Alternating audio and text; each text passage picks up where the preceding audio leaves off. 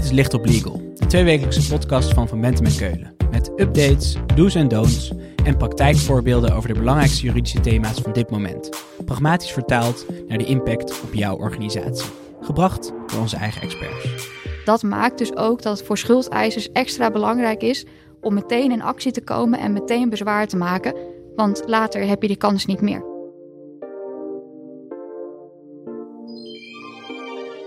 Het aanbieden van akkoorden onder de WOA, de wet homologatie onderhands akkoord, draait op volle toeren.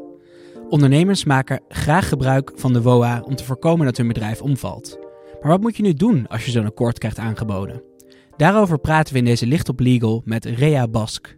Ze stelt zich even voor. Mijn naam is Rea Bask. Ik ben advocaat bij de praktijkgroep Herstructurering en Insolventie van Van Bentem en Keulen. In mijn dagelijkse praktijk adviseer ik ondernemers in financiële moeilijkheden en in zogenoemde 5 voor 12 situaties. Daarnaast ondersteun ik curatoren bij de afwikkeling van verschillende grote en kleine faillissementen. En Rea is gespecialiseerd in wat de WOA betekent voor ondernemers en hun schuldeisers. Rea, we hebben het er al een paar keer over gehad, maar toch nog één keer kort samengevat. Wat is de WOA ook alweer en wat is het doel?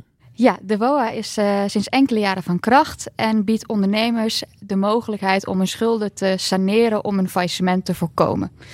En wanneer een ondernemer dus ziet dat hij waarschijnlijk op korte termijn failliet zal gaan, uh, kan zij proberen een regeling aan de schuldeisers uh, aan te bieden. Dat houdt in de meeste gevallen in dat de schuldeisers iets op hun vordering moeten inleveren om zo het bestaan van de onderneming te waarborgen en dus een faillissement te voorkomen.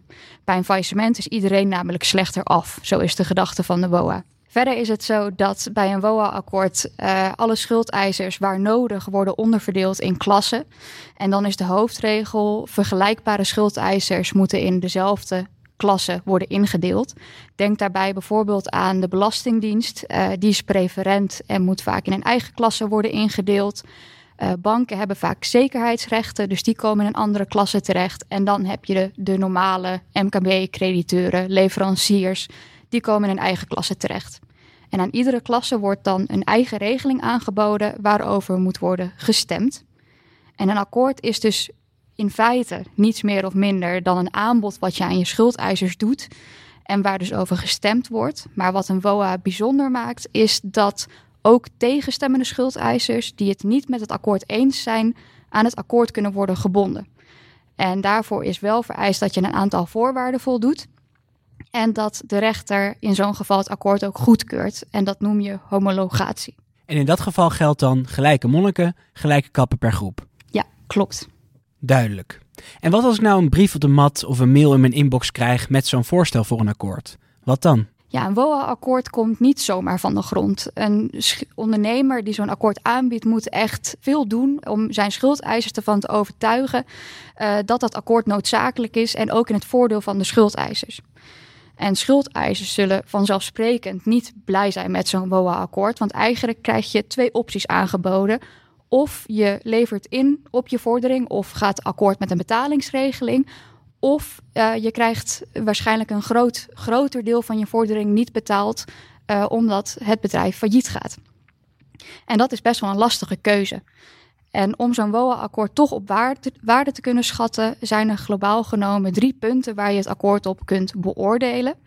En allereerst houdt dat in uh, dat je jezelf de vraag moet stellen: biedt dit akkoord voor mij een beter resultaat dan wanneer het bedrijf failliet zou gaan?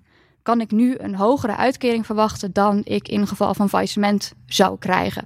En in geval van faillissement wordt altijd de rangorde van de schuldeisers nageleefd. Dus dan krijgt de Belastingdienst als eerste betaald, de bank als pandhouder. En dan heb je als gewone crediteur zonder zekerheidsrechten vaak het nakijken.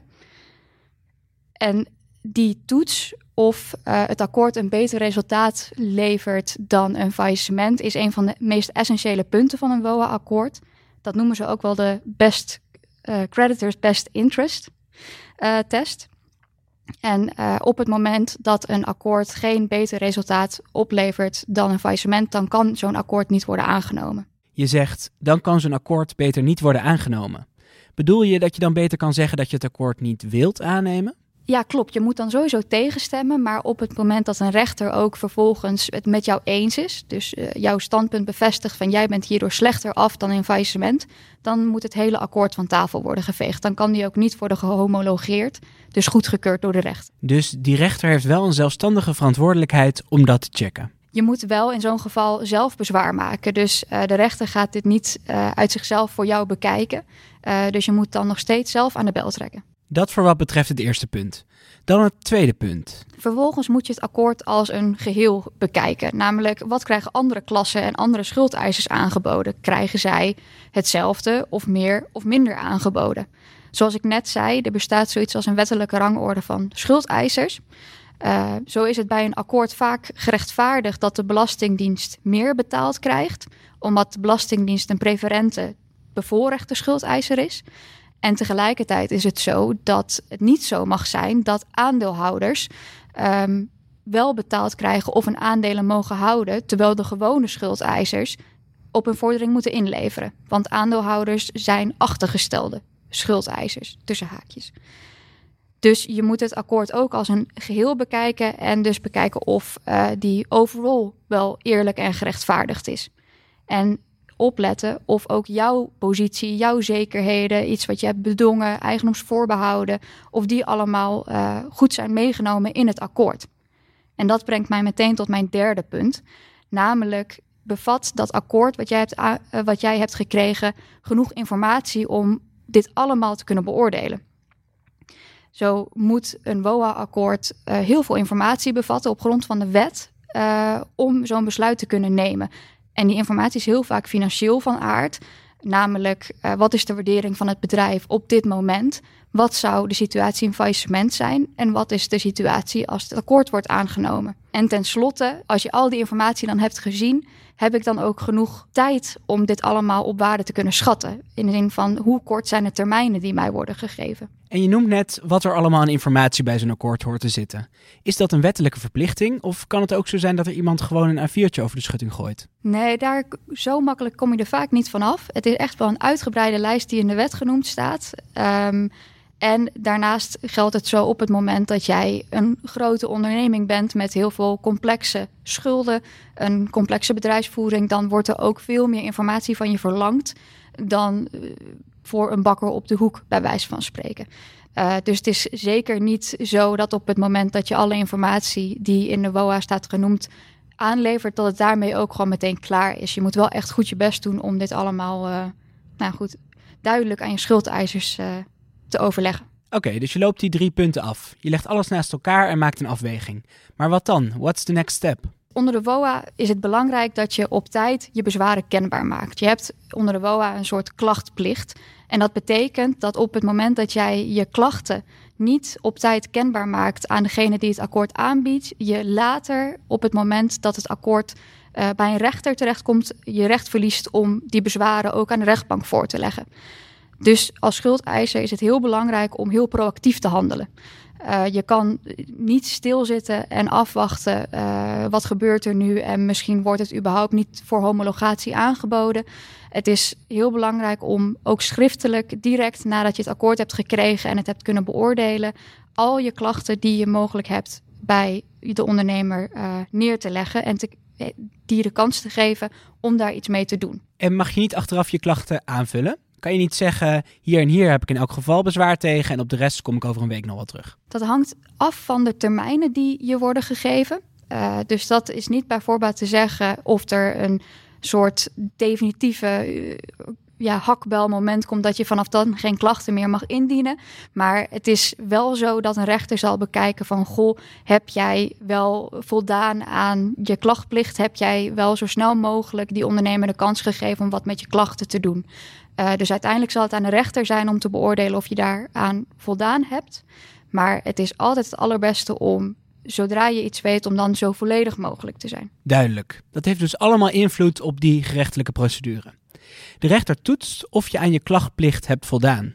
Maar waar kijkt een rechter eigenlijk nog meer naar? De rechter kijkt er ook naar, um, dus of al die informatie is gegeven waar ik het net over had. Zijn al die, heeft degene die het akkoord heeft aangeboden al die punten afgelopen? Heb je vervolgens ook genoeg tijd gehad om het allemaal te bekijken? Zoals ik zei, uh, informatie voor een WOA-akkoord van een bakker op de hoek zal vaak niet zo omvangrijk zijn als dat van een beursgenoteerde vennootschap bijvoorbeeld. Je hebt een minimale stemtermijn onder de WOA van acht dagen. Maar vaak is acht dagen ook niet genoeg om het allemaal te lezen. Dus in zo'n geval kan een rechter zeggen: de schuldeisers hebben niet genoeg tijd gehad om het te lezen. Dus uh, ondernemer, het spijt me helaas, maar dit akkoord kan niet worden aangenomen. En daarnaast zal een rechter dus ook luisteren naar de bezwaren van schuldeisers die zijn ingediend. Misschien zijn er meer schuldeisers die vinden dat uh, het akkoord niet een voordeel voor ze biedt en dat ze in faillissement beter af zouden zijn. En tot wanneer kan je je bezwaren indienen bij de rechter? Tot en met de dag van die homologatiezitting kan je een bezwaarschrift indienen met daarin jouw uh, redenen om tegen het akkoord te stemmen en een verzoek aan de rechtbank om het akkoord niet goed te keuren, dus niet te homologeren. Zo'n brief kan je tot en met de dag voor de zitting in beginsel bij de rechtbank indienen. Maar let wel, je bent wel griefjerechten voor verschuldigd. Dit klinkt alsof het allemaal binnen een paar weken gepiept kan zijn. Is dat ook zo? Ja, klopt. In theorie kan het al binnen een paar weken uh, klaar zijn. In de zin van, dan kan zo'n WOA-akkoord al worden gehomologeerd. Voor een homologatie van een WOA-akkoord heb je in principe ook maar één voorstemmende klasse nodig. Om het aan de rechter te kunnen voorleggen. En dan loopt de rechter die voorwaarden af. Het is in zulke gevallen dus extra belangrijk als schuldeiser om direct actie te ondernemen. Dus gewoon proactief te zijn en ook al is er nog niet bepaald wanneer de homologatiezitting plaatsvindt, wel je bezwaren kenbaar te maken en met de ondernemer in overleg te treden. Het komt eigenlijk niet vaak voor, maar de termijnen zijn desalniettemin echt heel kort. En dat is omdat de wetgever heeft bedacht dat schuldeisers en schuldenaren in zo'n situatie snel moeten weten waar ze aan toe zijn. En dat is ook de reden dat er bij een WOA geen hoger beroep of cassatie openstaat. En dat maakt dus ook dat het voor schuldeisers extra belangrijk is om meteen in actie te komen en meteen bezwaar te maken, want later heb je die kans niet meer. Wacht even. Als ik het dus goed begrijp, hoeft er maar één klasse voor te stemmen en dan gaat het dan naar de rechter. En dan gaan de andere klassen er automatisch in mee. Het kan dan inderdaad naar de rechter, dat klopt. Dus daar heb je maar één voorstemmende schuldeiser voor nodig. Maar dat neemt natuurlijk niet weg dat er in zo'n geval heel weinig draagvlak voor een akkoord is. Dus de rechtbank zal hoe dan ook uh, bekijken of dit akkoord wel redelijk is en dat er genoeg informatie aan de schuldeisers is verschaft. En daarnaast is het zo, uh, de rechtbank zal ook moeten beoordelen dat er niet mogelijk sprake is van een zogenoemd sluipakkoord. En dat houdt in dat er bijvoorbeeld een klasse heeft voorgestemd omdat er inderdaad een um, misschien ergens achter de deuren een deal met die schuldeiser is gesloten.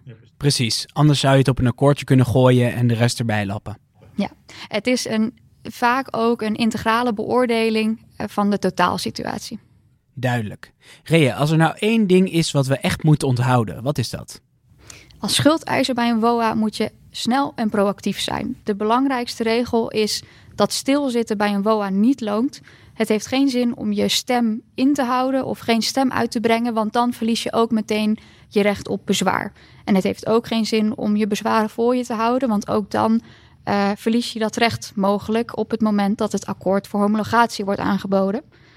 Dus het belangrijkste is, zodra je het akkoord ontvangt, om jezelf een oordeel daarover te vormen op basis van die drie punten die ik noemde, en dan voor of tegen te stemmen. En in dit soort situaties waarin de tijdsdruk heel hoog is, kan het ook zeker geen kwaad om juridisch advies in te winnen. Rea, dankjewel. Als we meer willen weten, waar kunnen we dan terecht? Je kan mij altijd mailen op reabask.vbk.nl of bellen. Mijn nummer staat op de website. Dit was Licht op Legal, een podcast van Van Bentem en Keulen. Te beluisteren via Spotify, Apple Podcasts of je eigen favoriete podcast-app. Wil je meer weten? Heb je suggesties voor een onderwerp? Of wil je dat onze experts hun licht laten schijnen op jouw juridisch vraagstuk? Laat het ons weten via vbk.nl/slash lichtoplegal.